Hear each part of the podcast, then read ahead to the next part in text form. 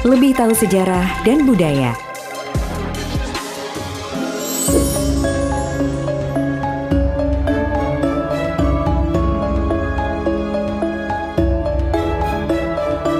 Ada tujuh unsur kebudayaan yang selama ini menjadi rujukan untuk pemahaman kebudayaan itu sendiri. Tujuh unsur kebudayaan tersebut, satu di antaranya adalah kesenian. Dalam pembicaraan kali ini akan dibahas tentang musik kesenian angklung yang baru-baru ini banyak ditemukan dan dimainkan di pinggir jalan di kota Yogyakarta.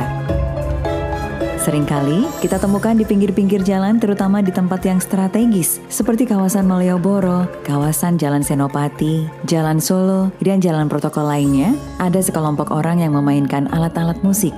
Di antaranya adalah angklung. Memang sejak dekade lalu di kota Yogyakarta juga sudah dikenal. Walaupun demikian, angklung memang mengalami perkembangan yang luar biasa di wilayah lain.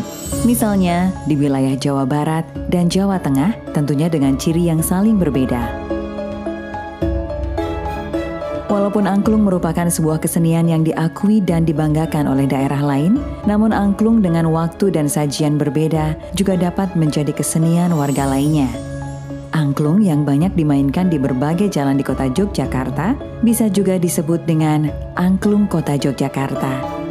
Walaupun demikian, kita harus bijaksana bahwa sebuah kebudayaan tidak dapat terpatri dengan areal administratif. Time and space.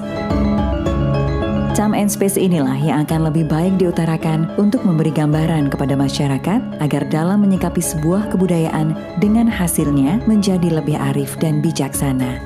Seperti juga untuk kesenian angklung di Yogyakarta.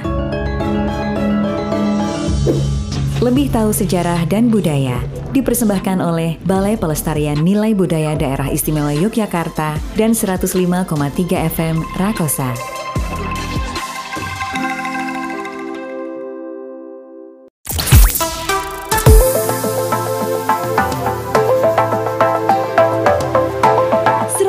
105,3 FM.